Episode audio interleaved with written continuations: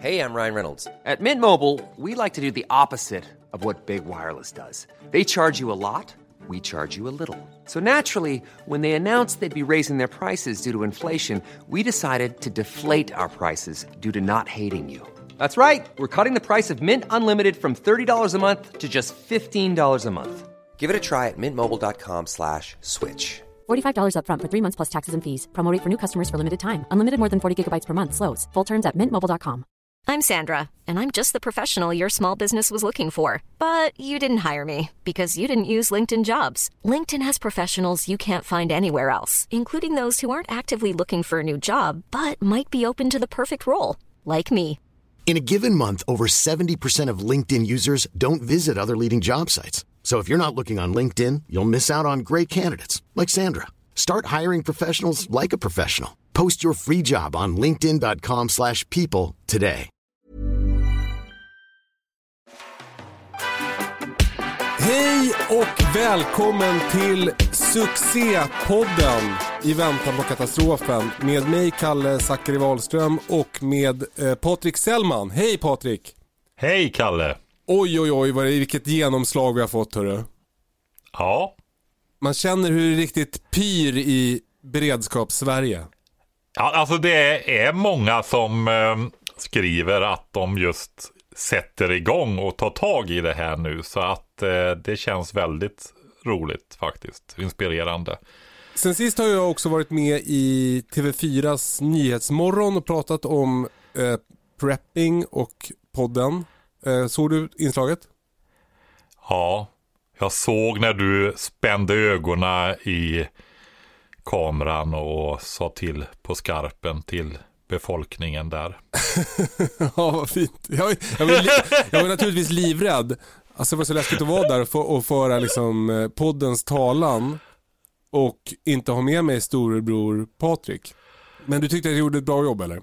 Ja, du gjorde, jag tyckte det var väldigt, väldigt bra Kalle. Så att eh, just det här att du körde det här vanliga, att du har en humor och gör det lite roligt.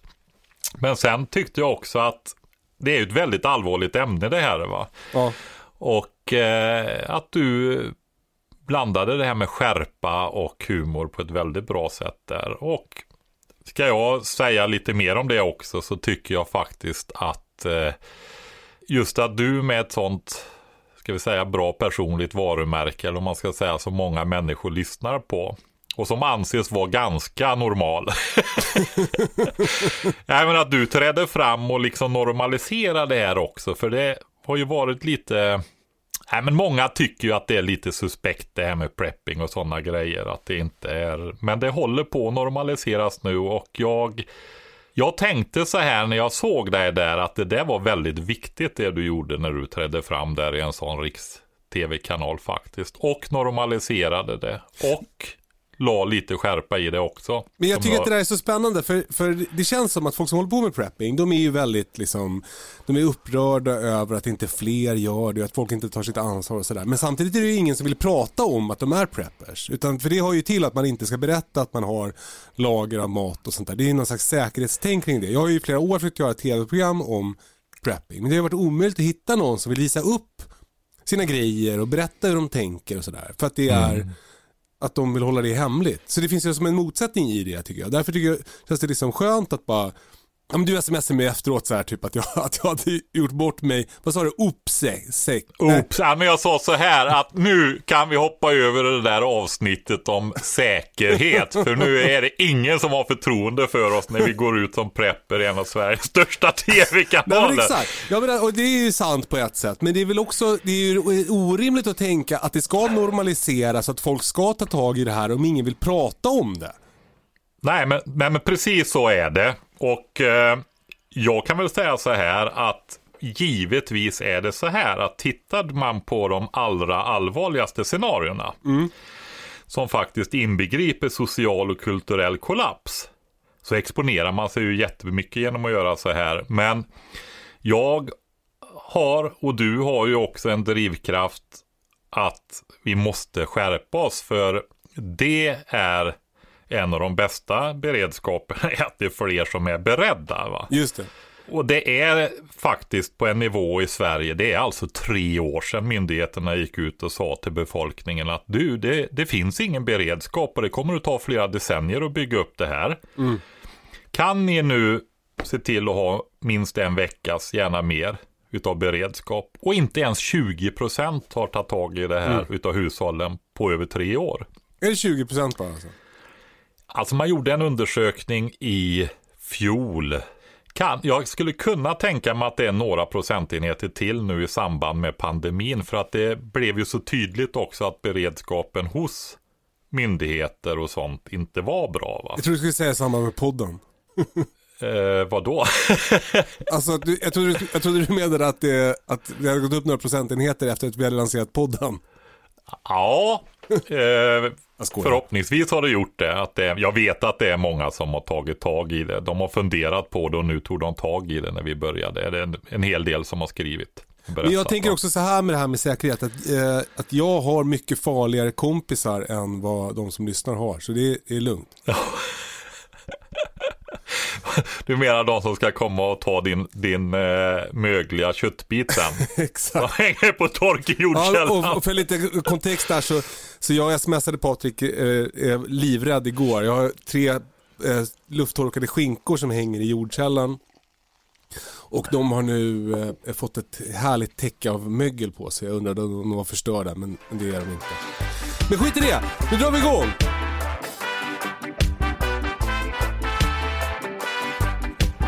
I väntan på katastrofen även den här veckan sponsrad av det lilla köksbryggeriet. De har ett erbjudande på sina kit, sina ölbryggningskit. Där ni som lyssnar kan gå in på deras sida och eh, använda er av rabattkoden katastrofrabatt. Så får ni 10%. Och det finns olika fermenteringskit.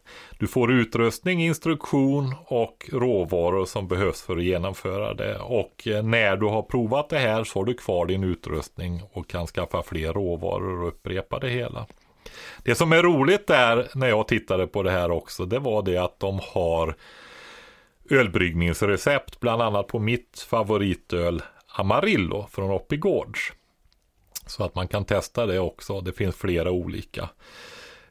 Sen har de även väldigt bra böcker och det har faktiskt kommit flera bra böcker på svenska när det gäller fermentering och olika receptsamlingar och sånt på att göra tillbehör till exempel. Så att titta gärna på deras böcker också. Rabatten gäller dock kitten, de här eh, kitten där. Sen eh, såg jag att de hade en kolhyvel. Och det är en speciell hyvel med tre knivar. Den ser ut lite som en mandolin. Men eh, den är just för att göra surkål. Och det är tre knivar, då går det lite fortare att hyvla ner de här fina kolstrimlorna. Men en väldigt viktig grej med den där jämfört med en mandolin som har vassa knivar, det är att den här är lite tandade knivarna också. Och det gör att du får en riven yta på de här kolstrimlorna som gör att fermenteringsprocessen då med mjölksyrebakterier går mycket snabbare och lättare och bättre. Så vill man hålla på med surkål så rekommenderar jag en sån där kolhyvel. Tack så jättemycket Lilla Köksbryggeriet för sponsringen och glöm nu inte rabattkoden katastrofrabatt så får ni 10% på kitten som de säljer.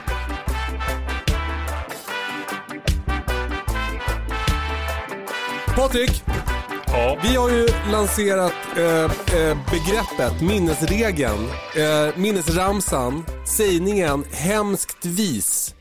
Som ett sätt Ja. att memorera områden som man behöver tänka på när det gäller beredskap. Hemskt vis är ju då en, en förkortning för hälsa, energi, mat, säkerhet, kommunikation, transport. Hemskt.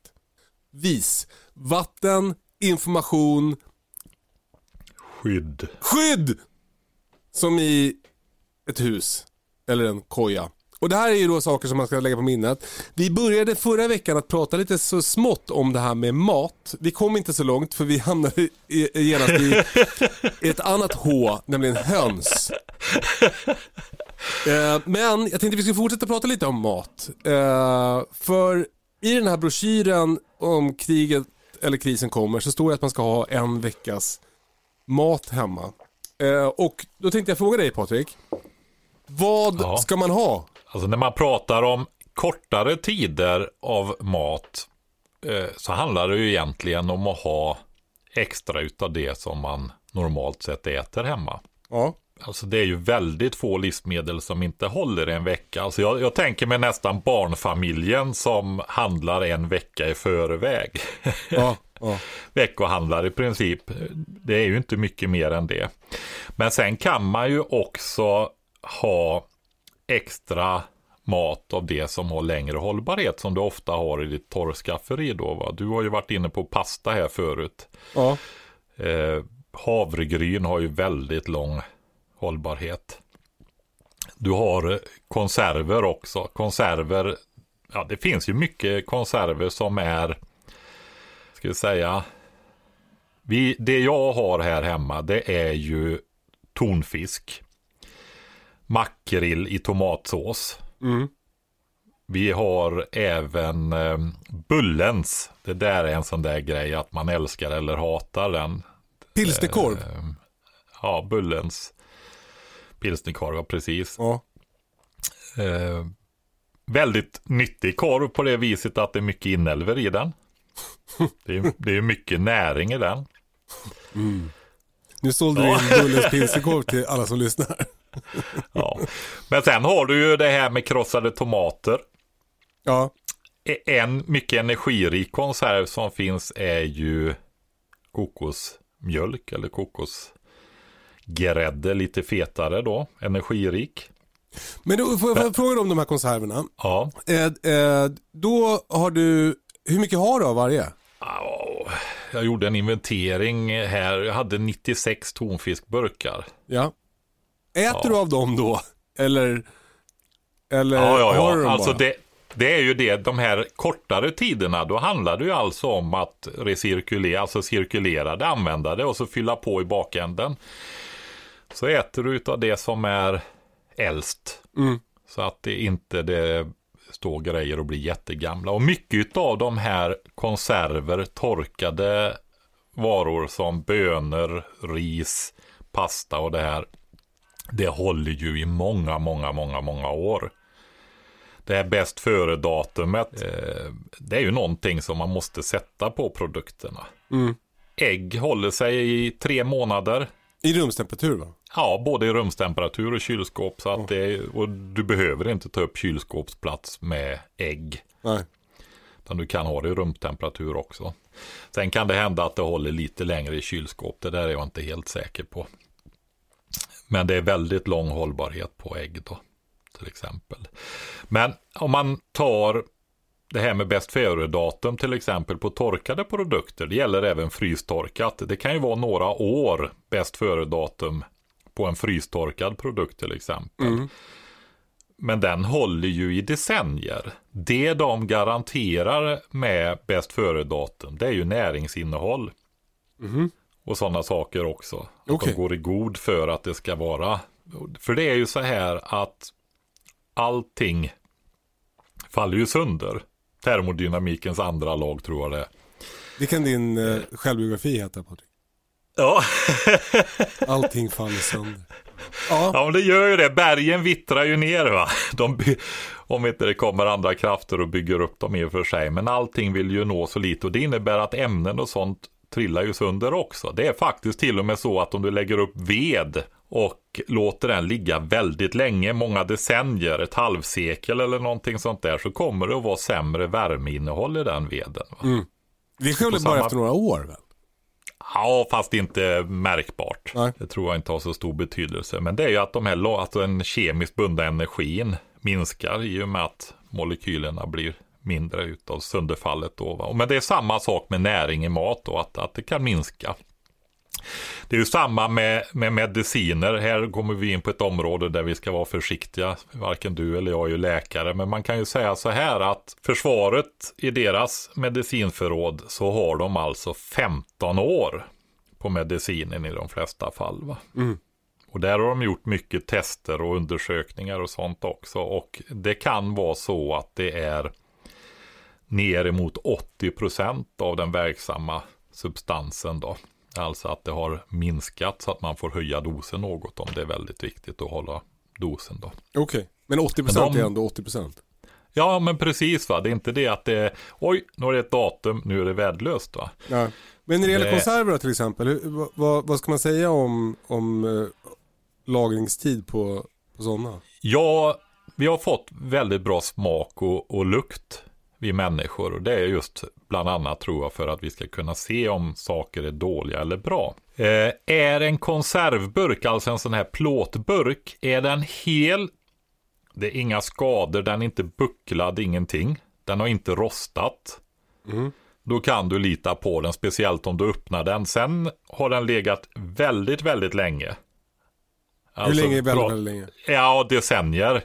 Ja, Så kan det ju ha hänt saker med det inuti. Det behöver inte betyda att det är farligt. alltså det blivit omodernt. Lappskojs Ja, exempel. men det kan ha ändrat konsistens och alltihopa det här. Sönderfallet helt enkelt. Va? Just det. Eh, så kanske det inte är så trevligt. Men eh, är det en hel konserv så är det en hel konserv. Är det däremot skador på det så kan det ju ha kommit in botulinum-bakterier i den. Ja, för det där är ju någonting som jag inte känner till förrän jag började konservera själv. eh, I glasburkar i tryckkokare. Då berättade du för mig om det här med botulism. Och det låter Mm. Ja. ju svinläskigt. Det är alltså en, en, eh, en, eh, bakterie som kan... Ja, berätta. Vad är botulism? Ja, det är en bakterie som när den förökar sig så bildar det ett gift som är bland det giftigaste som vi känner till. Alltså vi pratar gram, eller ja, om det är några hundra gram eller någonting sånt där. Men vi är på gramnivå för att döda hela jordens befolkning. Va? Typiskt dåligt gift. Ja, men Ja. det är viktigt att känna till det här eh, och vad, hur man hanterar det då. Va? Ja, men då, hur vet man om det man har fått botulism i en konserv? Och, eh, du, om det är en hel konserv Ja. och den är industriellt gjord, då kan du ju lita på den. Då har du ju en säker produktionsprocess. Just det. Så är det. Är den däremot trasig, då, eller du, det kan vara trasig, alltså rost, kraftiga slag på burken. Ja. Det lärde väl din mamma och pappa dig när du skulle köpa konserver, att man måste titta så att de inte är skadade. Eh, nej, mina, just, den, det har inte mina föräldrar lagt så mycket vikt vid. Eh, just konserv. Okej. Min pappa lärde mig det. Ja. Ja. Nej, men eh, då kan du lita på den. Ja. Men sen har du en grej till. Och det är att det här giftet, det fördärvas om du värmer upp maten till 85 grader. Okej. Där kan man ju alltså tänka, så det här botulinum, Clostri- Clostridium botuli, botulinum då som bakterien heter. Det finns olika grupper och, och sådär av dem då, men de som gör det här botulinumgiftet, de finns ju runt om i naturen. Och man kan ju också tänka sig då, du vet det här med raw food kontra tillagad mat. Att det här när man började tillaga maten, att det faktiskt minskade, alltså historiskt sett då, när vi började laga mat. Just det. Att det blev mindre dödsfall Ja. bland människorna helt enkelt. Men, men eh, eh, får bo, botulismen, botulinumbakterierna, eh, får den maten att lukta eller smaka på något speciellt sätt? Eller är den osynlig? Nej, jag tror inte att det är någon kraftig eh, smak och lukt på det där. För det var det som är det läskiga tycker jag. Det, det är så jag har förstått det också. Och, och för annars så kan man ju oftast känna om en mat, om mat är dålig eller inte genom att lukta på den. Men, men om jag öppnar en, en konservburk med köttfärssås och det är inte luktar eller smakar någonting. Men det kan fortfarande finnas botulism där inne. Det är ju jätteläskigt. Ja. Det läskiga med just botulinum också, nu är det ingen som kommer att våga konservera eller någonting när vi är färdiga här sen kall. Skulle inte vi inspirera folk jag Vi får komma dit. Nej, men det här är ju en kunskap eh, som är viktig att ha. Eh, så att det inte blir allvarligt. Va? Men det finns ett antal bakterier som är väldigt stark överlevnad. Alltså det är svårt att få död på dem och botulinum är faktiskt en sån bakterie som är jättesvår att få död på. Okej. Den är väldigt bra på att döda andra men den är väldigt svår att döda själv. Ja, precis. Och eh, det finns ju ett antal grejer då som eh, ah, har du det väldigt kallt till exempel som ett kylskåp, då växer den inte till. Och då bildas ju inte det här giftet för det är just vid tillväxten som, eh, som giftet bildas då. Ja. Eller om du eh, har ett eh, pH, som att att det blir surt, Jaha. så eh, tillväxer det inte heller. Alltså det betyder att det kan inte bildas i, i sura konserver, typ tomatsås till exempel. Nej, vi började ju tidigt när vi träffades första gången i samband med tv-inspelningar där och pratade om det här med konservering och du köpte nog en tryckkokare ganska fort. Nu har ju du mer erfarenhet av det där än vad jag har. du blev ju helt såld på det där. Eh, det räcker alltså att koka även sånt som inte är syrligt egentligen. Alltså vid 100 grader. Det är bara det att då måste du koka så länge va? Hur länge måste man koka då? För att det ska Jag vet inte, men det kan vara extremt långt. Du kokar ju sönder allting hur mycket som helst. Då. Ja. Och då är det ju så att kokar du någonting i vatten, ett vattenbad eller så, så kan ju det aldrig bli varmare än 100 grader, för då blir det ju vattenånga, va? så att det ligger ju på 100 grader. Just det. Däremot om du har en tryckkokare, eller speciell konserveringsapparat då, som är en tryckkokare, så kan du få upp temperaturen. Och din tryckkokare den går till 120 va? Ja. Eller 119,5 eller något sånt där tror jag. Ja, ja men runt där i kring är det. Och eh, då går ju den här processen mycket, mycket, mycket fortare. Alltså man dödar eh, botulinumbakterierna snabbare. Precis, och då behöver du inte hålla på lika länge. Eh, men om vi då ska, eh, om vi ska backa bandet lite och prata om vad en konserv är. Det, det, som jag har förstått det så är det att man hettar upp en, en, eh, en mat i en burk till då 119,5 grad eller 120 grader. Och sen beroende på hur högt över vattnet man är så ska man koka olika länge beroende på hur stor burken är. Ja, eller höja trycket om det är högre upp. Okej, om man kan det, om man har möjlighet att höja trycket. Ja, precis. För min, min tryckkokare den, den är ju som den är, den har ju som bara ett, ett läge. Mm. Eh, och om man då gör det, jag kör ju honungsburkar och de, då eh, kör jag dem i 45 minuter tror jag räcker men jag brukar köra 60 minuter för att vara på säkra sidan. Eh, på två ringar som det är på min tryckkokare, det, det betyder att det är, ja vad det nu är, antal PSI. Vet du eller? Nej, jag eh, kommer inte ihåg. Jag går på termometern. Just Eh, faktiskt, för Ja. att eh, när du höjer trycket så stiger ju temperaturen också. Då kan du alltså när du kokar ha en högre temperatur än 100 grader. Just det. Men och, och då, och då, då eh, hettas innehållet i burken upp och luften pressas ut när, när det svalnar sen. Stämmer det här eller? Nej, Fan. den eh, pressas ju ut när du värmer upp den, värmer inte upp när den. den svalnar. Men, och- Utan eh, sen när den svalnar, då är ju locket tätt. Just det. Och det kommer inte in igen. Eh, trycket ökar ju även inne i burken. Va? Och då pressas vattenånga och sånt ut ur burken. Och sen när den svalnar så får du istället ett vakuum. Och det ser du ju på att locket är inböjt. Det buktar inåt, precis. Ja, precis. Och du får en speciell ljudklang när du slår på den. Så har du en burk med vakuum i och en burk utan vapen och så slår du med en sked eller någonting på den så hör du en väldig skillnad. Och det är ett sätt att kontrollera också för det är väldigt viktigt att det här vakuumet är kvar. För det är ju ett tecken på att den är tät då. Va? Just det. För, och, och, och om vakuumet är klar, kvar, då vet man, det har inte kommit in något nytt i den här burken sen den dagen jag hettade upp den till 120 grader i min tryckkokare. Och det betyder då att det finns ingenting som lever där inne, inga bakterier som lever där inne. Nej, Och då vet man att den är säker. precis. Och det, det här gäller då så länge burken håller, stämmer det eller? Ja, Och det kan ju röra sig om, om många, många, många, många år. Det finns ju berättelser hur husmödrar då när man eh, förvarade de här burkarna sen. För det är ju så också det här som jag sa med kylskåp. Har du de här, många gånger förvarade man ju de här burkarna då, de konserverna i jordkällare. Ja, det gör där jag. du har lägre temperaturer. Va? Eh, och då kunde ju husmodern gå och kolla på locken genom att slå på dem. Och vad, gjorde hon det varje vecka så var det någon som hade börjat läcka så kunde man ju använda den innan det blev bekymmer med den då. Just det. När man hade små marginaler och verkligen behövde ta vara på allting då. Det, det, det verkar som att hus, just husmödrarna har slutat, i alla fall i mitt hushåll, att hålla efter konserverna. Och det är mer husfädrarna som gör det nu för tiden. Ja, det finns nog både, det är nog olika i olika hushåll tror jag. Ja. Men jag, jag kan ju säga just det här, jag har ju inte varit så mycket för konserver historiskt sett.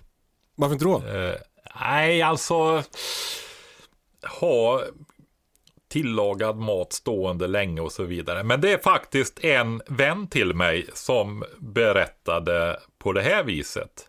När du konserverar kött framför allt. Så kokar du ju köttet i sin egen vätska i en sluten behållare. Mm. I sina egna safter. Och det är alltså att se det som en tillagningsmetod snarare än en konserveringsmetod också. Va? Och sen är jag ju intresserad av sånt där och har fåglar och vill ta vara på det. Och vi har ju alltid frysen nu då. Men är det så att inte du har tillgång till frysboxar och sånt så kan du ju alltså slakta. Visst, du kan torka, salta, alla de där bitarna också. Men eh, du kan också konservera och koka in det i, i burkar då. Så därför så skaffade jag en, eh, en sån här mer, eh, ja den är gjord för att konservera i snarare än att tryckkoka livsmedel i då. Din är väl mer en tryckkokare vad Precis, jag jag har ju förstått, köpt va? en tryckkokare bara på, på en liksom, elektronikkedja. Eh, Som man ställer på spisen, men man kan ju också ställa den på någon typ av gaslåga såklart. Eller på eld antar jag. Eh, eh, men du har ett riktigt as till konserveringsapparat. Ja, jag köpte hem en sån här All American. Det är ju så i USA så har man ju haft en utbredd levande tradition utav det här med konservering då. Canning som de säger där. Och eh, jag kan eh, passa på och jag själv tittar ju på deras motsvarighet till Livsmedelsverket.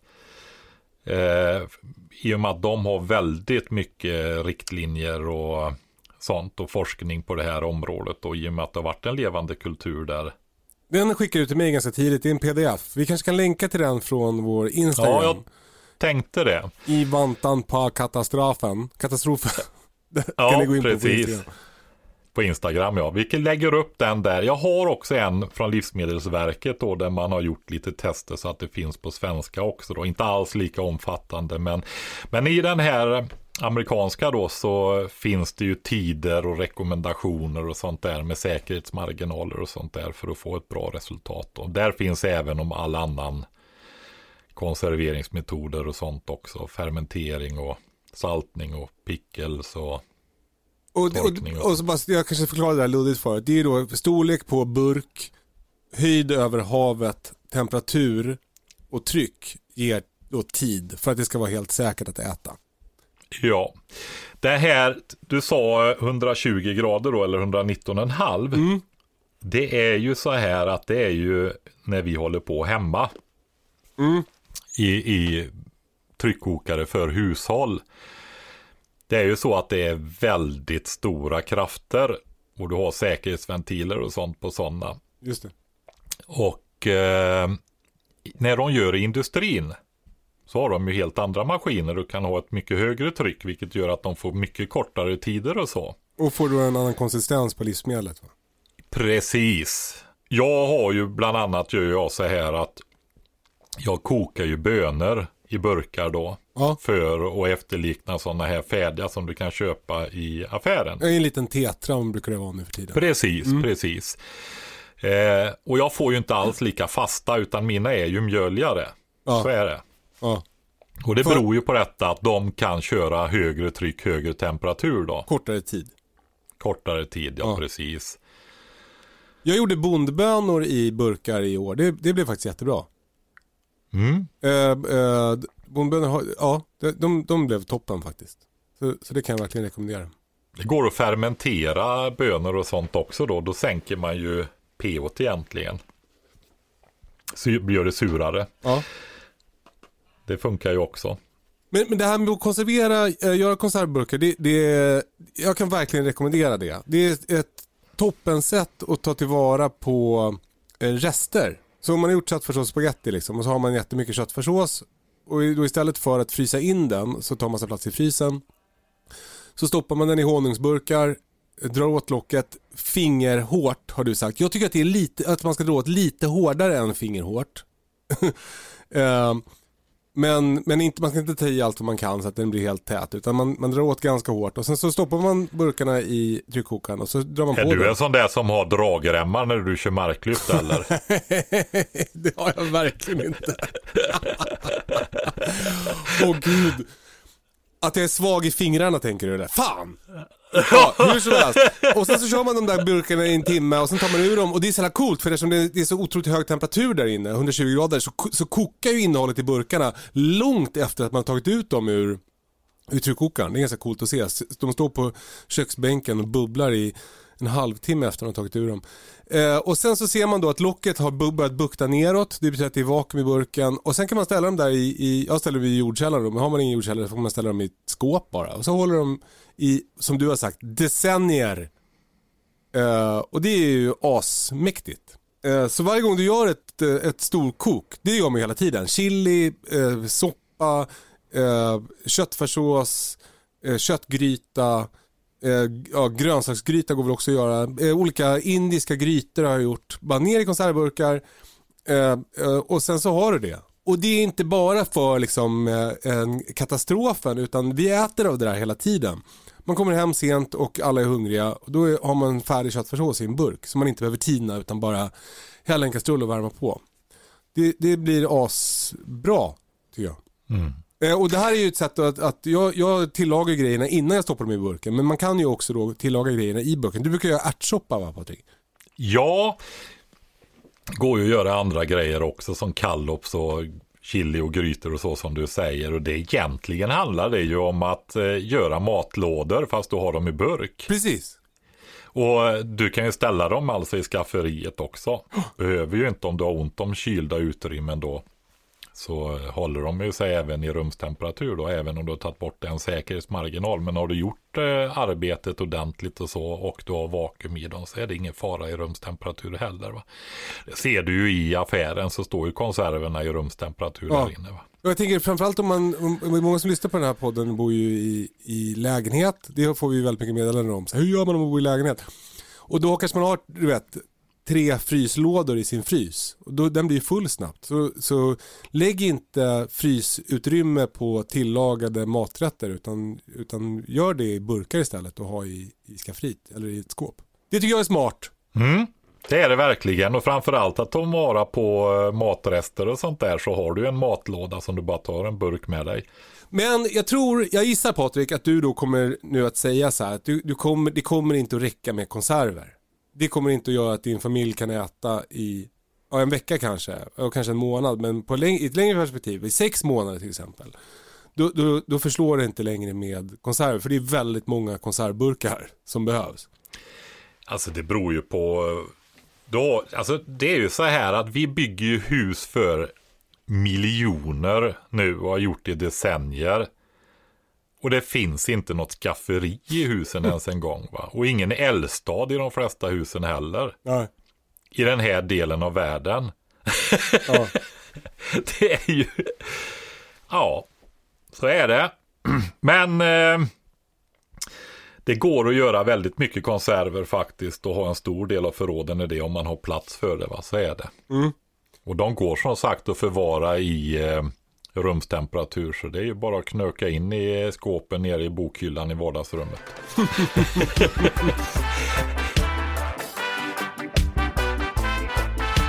Okej Patrik, då har vi pratat om konserver. Men det finns ju andra sätt att, att lagra mat över tid. Ja, det gör det. Och eh, du har ju andra typer av konserver än de som är högtemperaturbehandlade. Mm. Ja, du har ju till exempel sylt, saft, pickles, alltså ättiksinläggningar av olika slag. Och här är, har- här är den, den konserverade grejen socker eller? Ja, det finns. Eh, det handlar egentligen om eh, hur aktivt vatten du har i en produkt. Du kan ju ta bort vatten genom att torka den. Men sen kan du också binda vatten med socker och salt. Det är ju det som är när vi saltar och sånt också då. Vad betyder det? Binda vatten med salt? Alltså vad är det, vad är det med det vattnet som, som gör att det blir Ja, dåligt? alltså för att du ska få bakterietillväxt så behöver de ha möjlighet att växa i vatten då. Och binder du det då med salt eller socker så blir det svårare för dem. Och når du vissa nivåer då stannar det ju upp helt och hållet. Okej. Och det är också en viktig grej när det gäller det här torka, salta, socker, göra det surare, sänka temperaturen. Även vakuum kan ha betydelse. Eh, Alltså du vet vakuumpackat då. Så, så är det ju så att de här kompletterar varandra. Eh, Om du bara har en metod då behöver du ta i mycket mer. Men har du tre metoder ja då behöver du inte ha så mycket av varje. Va?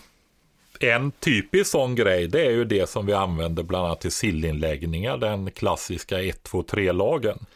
Du tar eh, en del 12% i ättika, två delar socker och tre delar vatten. Då tar du både socker och sänker pH med ättiksyran då. Ett, sätt att komma ihåg den där 1, 2, 3-lagen, vilken ordning de ska komma, det tycker jag är så här, man börjar med det man minst av allt vill äta. Och sen tar man det som verkar näst jobbigast att äta och sen så tar man det, det som verkar lättast att äta. Så ättika, socker, vatten. Ja, så är det. Men om man tittar på det här lilla lagret då så har du, vi var inne på frystorkad mat här för, eh, ja var det förra eller förra, förra veckan, men vi har tagit upp det lite grann. Men det är ju faktiskt en av de där, om man eh, använder frystorkat också ibland så kan man ju ha ett litet lager hemma av frystorkat som är den där extra maten för nödsituationer också. Och sen omsätter man de frystorkade produkterna när man är ute och vandrar eller utflykter eller i båten eller vad det kan vara för någonting då. Va? Eh, frystorkat har ju nackdelen att det är dyrt. Just det. Det är väldigt dyrt att köpa. Eh, för en jättestor fördel det är ju när man ska bära det. Ja. Alltså typ friluftsliv, ut och vandra och så vidare. Då är ju frystorkat. Jag har ju frystorkat hemma också här. Va? Jag har, Hur mycket då? ja, du vill väldigt gärna veta det där hur mycket jag har av allting. Du. Det är så kul eh, bild. Det, jag kan väl säga så här, jag skulle tippa på 120 påsar eller något sånt där har jag väl. One size fits all seemed like a good idea for clothes Nice dress. Uh, it's a it's a t-shirt. until you tried it on. Same goes for your healthcare. That's why United Healthcare offers a variety of flexible, budget friendly coverage for medical, vision, dental, and more. So, whether you're between jobs, coming off a parent's plan, or even missed open enrollment, you can find the plan that fits you best. Find out more about United Healthcare coverage at uh1.com. That's uh1.com. Hiring for your small business? If you're not looking for professionals on LinkedIn, you're looking in the wrong place. That's like looking for your car keys in a fish tank. LinkedIn helps you hire professionals you can't find anywhere else, even those who aren't actively searching for a new job but might be open to the perfect role. In a given month, over 70% of LinkedIn users don't even visit other leading job sites. So start looking in the right place. With LinkedIn, you can hire professionals like a professional. Post your free job on linkedin.com/people slash people today.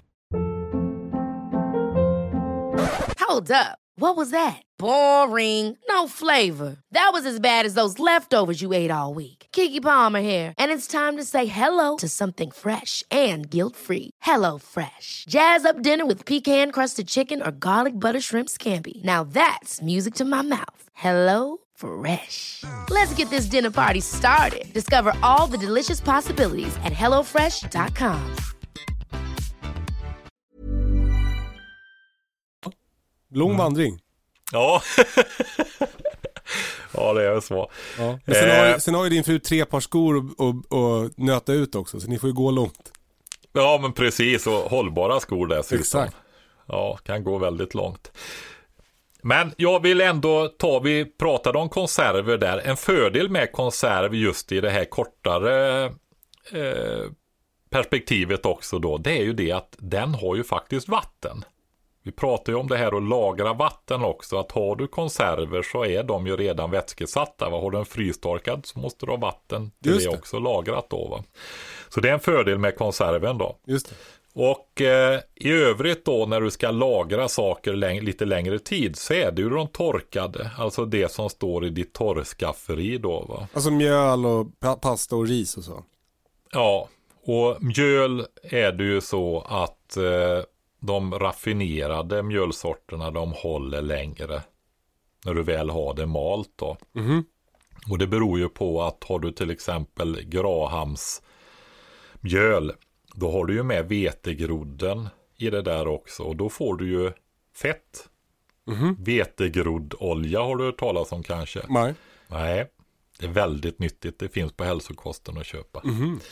Nej, men du har fettsyror i det, när man mal det hela kornet då. Är det det som är Grahamsmjöl? Jag, jag, jag, jag vet inte vad Grahamsmjöl är, jag har bara hört. Alltså jag, jag Mm. Nej, det. men Grahamsmjöl är alltså malt på hela vetekornet då. Medan det här vita mjölet, då har du tagit bort alla nyttiga delar som skalet och vetegrodden och så vidare. Va? Tappar jättemycket av vitaminer och mineraler och sånt då. Men du får det här vita fluffiga stora brödet då. Va? Så är det. Men eh, nu har ju du köpt en kvarn också då, så du kan ju du mala hel säd. Ja men exakt, jag fick en, en kvarn av mina kompisar i 40-årspresent när jag fyllde år för några veckor sedan. Så nu har jag en, en, en kvarn att mala. Men om jag då tar helt vete, för det har jag också eh, köpt av en bonde här. Så jag har lite lager av det. Då, om jag mal det så får jag Grahamsmjöl alltså. Ja, det kallas graham då. Okej, Men det är ju full, fullkornsvetemjöl kan du ju kalla det också då. ja. Ja det ska jag testa. Men vi får återkomma till det där med brödbak. För nu ska vi försöka fokusera lite på det här med att lagra Ja. mat. Om man då vill lagra eh, eh, mjöl, till exempel. Vi tar det som exempel då. Ja, Eh, är, det då, är det bättre att lagra mjöl eller är det bättre att som jag lagra hel vete i lufttäta tunnor? alla sådana här frön, de är ju gjorda för att lagra sig. Sen eh, vet du ju det att när du ska så grönsaker och sånt så har de ju olika hållbarhet. Alltså vid olika antal år som de håller de här fröna som de lever. Men det är ju en förpackning som är till för att skydda eh, näringen och resurserna och alltihopa. Det är ju en levande organism, ett frö. Och det gäller ju även säden då, så den är ju förpackad på och konserverad på det bästa sättet redan. Om du mal sönder en, ett eh, korn då, ett frö av något slag, ja då exponerar du ju alltihopa det här för härskningsprocesser och alltihopa det där. Så att det gäller också en sak som många tänker på utav oss som är intresserade utav att ha längre perspektiv då.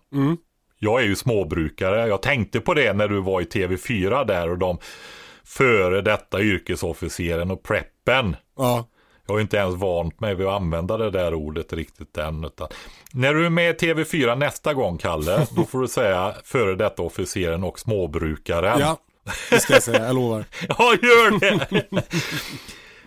eh, nej, men alltså, ta kryddor. Mycket av våra kryddor då, alltså om du nu ska eh, ha det längre perspektivet. Visst, man kan väl äta pasta en vecka eller två då, så behöver man inte äta pasta mer resten av livet sen. Men om man tittar i ett längre perspektiv och du ska äta mycket av sån här mat och komplettera med sånt du kan producera själv. Alltså när jag säger mycket sån här mat så tänker jag ju på de här spannmålsprodukterna eh, med mycket energi och näring i då som bönor, linser, frön av olika slag, spannmål, alltså eller ja, säd, vete, ris, sådana saker. Du behöver ju verkligen ha kryddor också. Just det. Och ska du ha stora lager av kryddor, alltså vi pratar kilovis i alla fall då, då behöver du ju ha hela kryddor. För mal du dem så är ju de här smakämnena och eteriska oljor och alltihopa som är i de här då blir ju det flyktigt. Okej. Så ehm, det är därför du ska ha pepparkvarn, en för vitpeppar och en för svartpeppar. Så att du alltid har hel peppar och så mal du när du använder den helt enkelt. Okej, så lager av kryddor, då ska det vara hela kryddor, så hela pepparkorn till exempel. Ja, och du har ju massvis med frökryddor. Fänkål, anis, kryddnejlikor, kardemumma. Alla, alla de här är ju egentligen olika typer av eh, frön med mycket eteriska oljor och sånt. Mm. I då, för smak och så. Så de, de finns att köpa hela om du vill då. Just det. Och det är ju mycket, mycket, mycket, mycket billigare att köpa ett halvkilo eller ett kilo än att köpa de här småburkarna som är förpackade då, portionsförpackade nästan. Just det. Och hur, hur lagar man pepparn sen då? Om, när, man har, när man har köpt hem, man köper hem ett kilo svartpeppar hel. Och var, Mm. Varifrån beställer man den till att börja med? Ja, jag försöker ju ha så mycket ekologiska produkter som möjligt också själv då. Ja. Så jag, jag beställer från eh, biodynamiska produkter i Järna. Jaha. Eller ifrån Biofood. Ja. Och det, Då beställer jag hem därifrån ett kilo svartpeppar. ja, Vad gör jag med det när det kommer hem? ja, det är alltid en fördel det här som jag sagt förut också att förvara mörkt och svalt. Ja. För då, det är ju det att då stannar ju alla de här processerna upp som eh, bryter ner saker och ting då. Va? Ljus bryter ner mycket och värme då ökar ju aktiviteten i eh, den kemiska aktiviteten i allting då. Så att mörkt och svalt är bra. Sen kan man ju kryddor som säljs i Sverige, de är behandlade. Ja, nu har jag inte kollat upp det här riktigt, men jag för mig att de är behandlade så att de ska vara rena då. Alltså inte ha bakterier och sånt på sig då och då är de redan döda. För vad man kan göra också om man vill förbättra och verkligen ha saker liggande länge, det är ju att ta bort syret också då. Alltså vakuumförpacka. Vakuumförpacka, ja precis. Och det kan du, ja du kan göra på två sätt. Det ena är ju vakuumförpackning med sån här vakuummaskin. Ja. Det har väl du som jagar mycket, Ja, har väl en ja, vakuumförpackning, precis. Eh, jag gör så här med mina pumpakärnor, linfrön, solrosfrön och så vidare som innehåller mycket fett. De är ju energirika de här va. Mm. Och jag har ju lite större lager och sånt också. Då har jag en vakuummaskin med en sån här burk. Mhm. Så kan du koppla en slang ifrån vakuummaskinen till burken och få ett undertryck i den här stora plastburken då med ett tätt lock. Då ställer jag en sån här, då är den så pass stor så att jag kan ställa en honungsburk utav den här gamla klassiska 700 grams storleken får, ryms i den där burken. Så då lägger jag fröna i sådana honungsburkar. Kör fingertight och eh, jag som kör marklyft utan dragremmar då och ganska starka nyper och som har byggt ett helt hus med hammare och spik. Nej, men man, får, ju lära sig det där då va? för gör, det ska ju orka suga ut samtidigt som det sitter lagom så att det inte släpper när det väl har blivit ett undertryck i då va. Men hur som helst, jag ställer den med fröna i där och drar åt. Inte allt jag orkar med hela handloven och alltihopa utan strax under det där i alla fall då. Och då suger jag ur luften, då sugs luften ur även i den här honungsburken. Jaha. Och sen när jag öppnar burken då så ligger locket fastsuget på och det kommer inte in något nytt då i den där honungsburken. Så reducerar jag syret på det viset i de burkarna då för att minska härskningsprocesser och sånt och förbättra. Plus att de förvaras i mitt mörka skafferi och svalare då huvuddelen av året. Då. Just det. Sen har du det en eh, tredje grej då förutom sådana här vakuumpåsar och det här sättet med burkarna där som jag beskrev. Så har du ju mylarpåsar. Vad är det? Det är ett eh, speciellt plast. Alltså plast har porer och sånt som gör att det blir en viss luftväxling och har du haft bensin i en plastdunk någon gång? Ja. Har du märkt att det blir mindre med tiden då om det står något år eller två? Uh, Nej, det har jag inte tänkt på tror jag. Det brukar pysa Nej. när man öppnar. Ja, Ja, men det är en annan grej. För det är ju att det är lite varmt eller temperaturförändringar så det är under eller övertryck i Okej, den där då. ja. Men eh, alkylatbensin till exempel, om du köper en sån 4 liters dunk och så blir den stående. Nej, men det står alltså och avdunstar igenom materialet helt enkelt. Jaha. Men eh, om du då vill, ja, vill du långtid, verkligen långtidsförvara mat, då använder man sig av mylar. Jaha. Mylar, när du har sån här frystorkad mat så ser du att den är lite silverfärgad och ganska kraftig plast runt, eller hur? Ja. Det är ofta mylar det. Jag skulle nog våga säga att det alltid är mylar. Jaha. För det är en, väl, en av de tätaste plastsorterna som vi känner till. Då. Så gör du ett undertryck i den där, då försvinner inte det. Mhm. Alltså ett vakuum i då. Va? Uppfattat. Och har du ingen vakuummaskin så kan du använda någonting som kallas för syreabsorptorer. Och det är små påsar ungefär som sådana här som suger upp fukt. Fast det är andra ämnen i då. Va? Alltså Så som brukar, man köper en ny eh, teknikpryl så ligger det sådana här små påsar. Som det står att man ska Ja, äta. elprylar har ofta ett skydd i sin förpackning med en sån här liten påse som suger upp luftfuktighet för att det inte, inte ska bli korrosion och sånt där då. Men då finns det andra typer av påsar med andra ämnen i Mhm. som eh, oxiderar. Så eh, du måste förvara dem där i slutna behållare. Och oxidera betyder reagera med syre va? Precis, de binder upp. Det är ju som järn. Ja, När det oxiderar och blir rost, då har det bundit upp massa syre. just det. Så man skulle nog kunna göra syre, syreabsorptorer på något sätt av stålull och så faktiskt själv om man ville. Men när du lägger en sån här påse då, eh, och de är ju avsedda för en viss volym och så då, i en mylarpåse och så förseglar du den med att smälta ihop plasten. Och det kan du göra med en plattång eller ett strykjärn eller någonting då. I ena änden. Då blir den helt ligger. De, ja, den blir helt tät. Ja. Och då äter de här syreabsorptorerna upp kan vi säga. Eller reagerar med syret.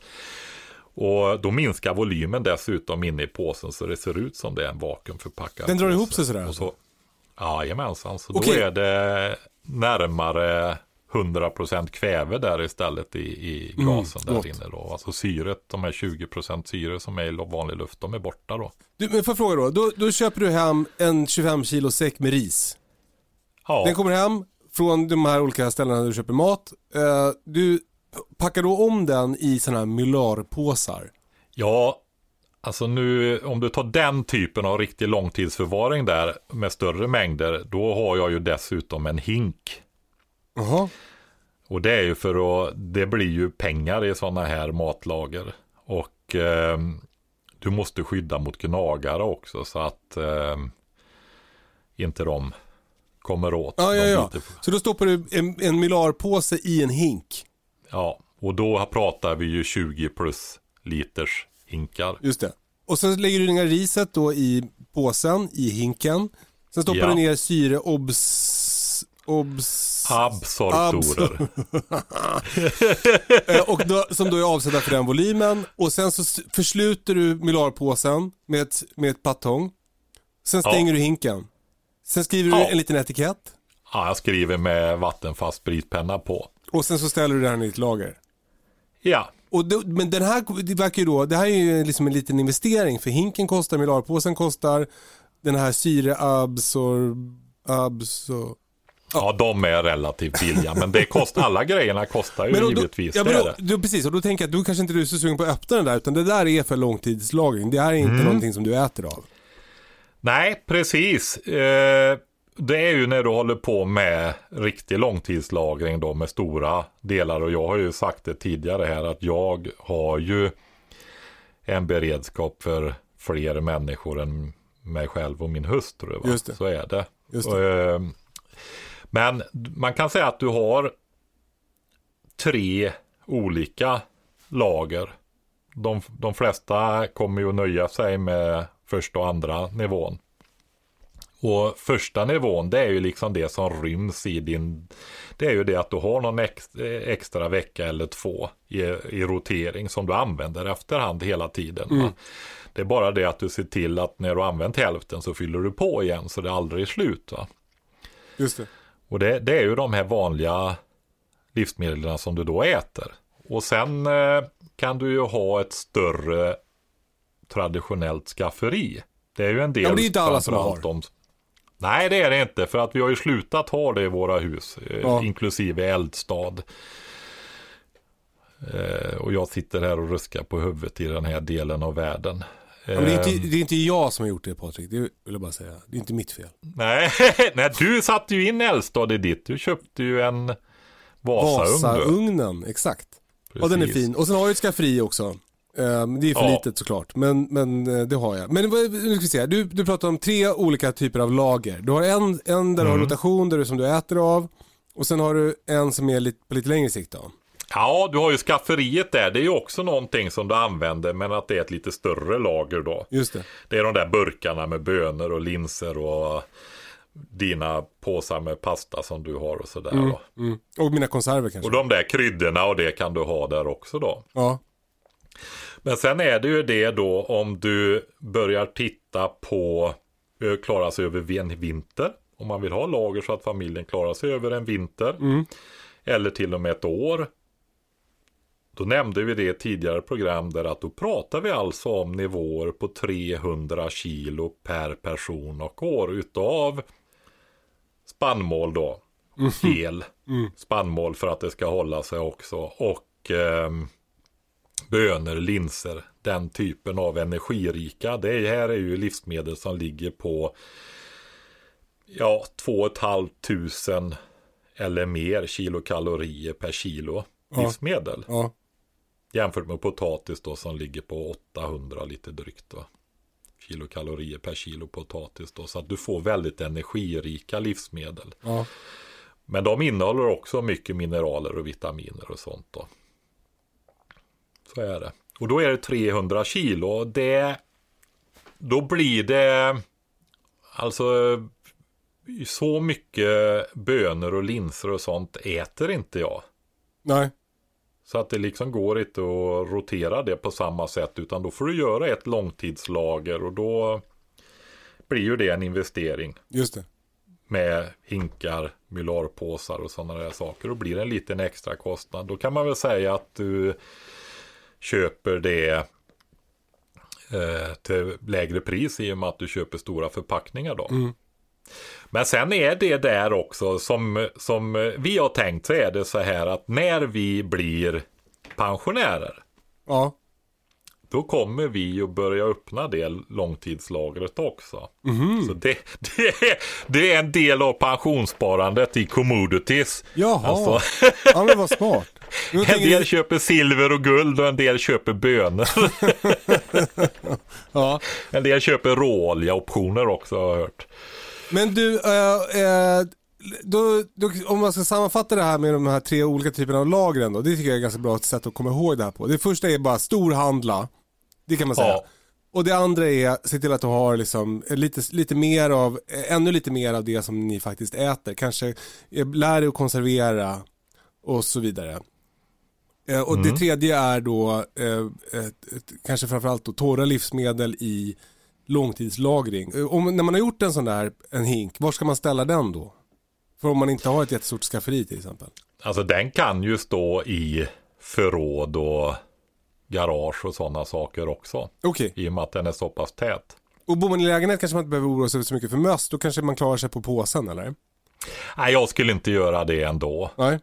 Alltså det har ju stickskador, hantering och alla sådana här grejer. Speciellt om du har ett litet källarförråd i en lägenhet eller vindsförråd och så vidare. Vad du ska hämta grejer. Nej, ha en hink. Och en hink har du är ju också en del av en beredskap. Hinkar är ju väldigt, väldigt användbara om du ska hämta, bära grejer och så vidare. Så att de är ju inte förslösade i alla fall. Va? Alltså du behöver inte sälja in hink på mig Patrik, jag älskar hinkar.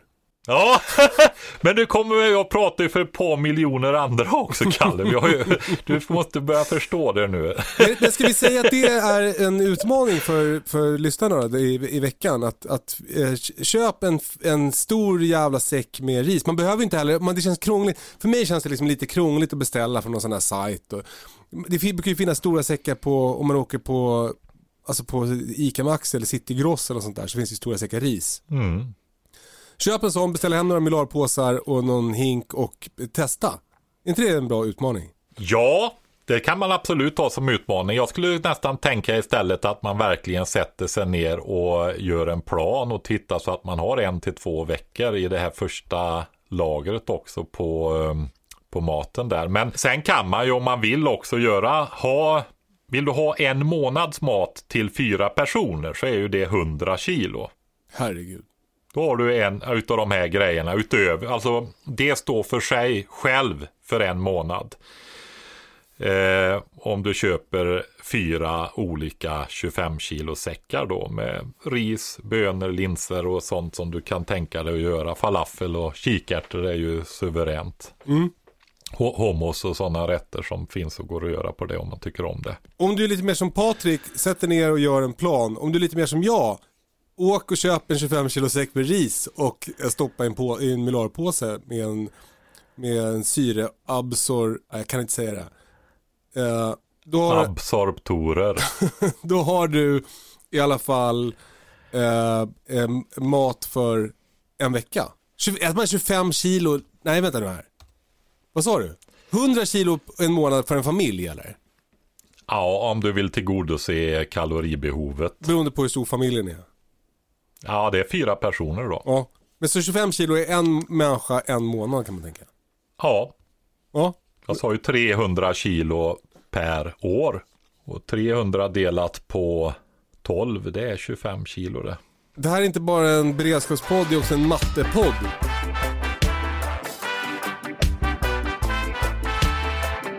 Ja, stort tack för idag Patrik. Uh, gud vad mycket man har lärt sig. Ja. ja. Ja. Hade du, hade du något mer du hade velat få in eller? Nej, alltså det, det är ju så här, vi ska ju hålla på i 14 år sa vi va. Och det, det finns ju alltid hur mycket som helst att säga. Så att eh, vi får ju komma tillbaka till eh, egen produktion och tillverkning av livsmedel och förädling av livsmedel och sånt där. Ja! Såklart. Du, eh, eh, nu ska jag gå och stycka en hjort. Vad ska du göra? Jag ska gå ut och bygga bikuper. Jag har fått väldigt mycket beställningar på sådana här toppriskuper. Vad roligt. Ja, det är det. Jag, har tål, jag får ju bygga, jag har ju inga förråd, lager och sådär, utan jag får ju köra efterhand. Va? Så att jag har lite tålmodiga kunder för tillfället, men jag är oerhört tacksam. Eh, kommer du sabba ditt vårbruk i år igen? Nej, jag tog det, nej, nu hoppas jag vara i kapp inom ett par, tre veckor här faktiskt med detta. Så att eh, jag tror jag ska få ett bra vårbruk. Har du hunnit så tomaterna? Nej, jag har inte jättebråttom med tomaterna utan eh, jag har som målsättning att få ut tomaterna till den 15 maj i mitt bågväxthus. Och Ja. då är det 6 till 8 veckor innan utplantering. 8 veckor om man har bra ljus och sådana saker för de är jättekänsliga för för lite ljus. Har man inte optimalt ljus då är det bättre att nöja sig med 6 veckor innan utplantering så att de inte hinner dra iväg och bli alltför gängliga och klena då. Okej. Ja, vad bra. För jag, jag känner mig stressad själv. Jag, jag sitter på första maj här i mitt växthus. Eh, Mm. eh, jag har ju kanske lite bättre klimat än vad du har också. Men, men så jag, jag känner mig liksom sen. Men då kan jag chilla lite och, och känna, att jag, känna lugnet. Mm. Ja, men du har ju ett eh, byggt växthus med bättre skydd också. Mm. Jag har ju ett bågväxthus med bara plastfolie över. Så det. att eh, din tål ju lite lägre temperaturer också då. Så är det ju. Men, Men ja, man har lärt sig det när man har hållit på några decennier så är det det där att inte ha så extremt bråttom allting. nej. Skönt. Ja, Vi, vi avslutar med ett, eh, ett litet förlåtande ord från, från Sensei Patrik. Eh, hörni, tack för att ni lyssnar. Eh, ni, vi blir jätteglada om ni går in och, och, och eh, ratear podden i, i olika appar, skriver recensioner och för guds skull dela vår podd. Det är väldigt många som lyssnar men det kan bli fler. Så, så eh, tagga oss på Instagram, tipsa om podden så kanske ni kan vinna en torkad gädda. Som Patrik skickar till Eh, eh, tack för idag. Ha det så bra. Vi hörs sen. Puss och kram. Följ oss på Instagram i vantan på katastrofen. Eh, ha det bra. Hej då!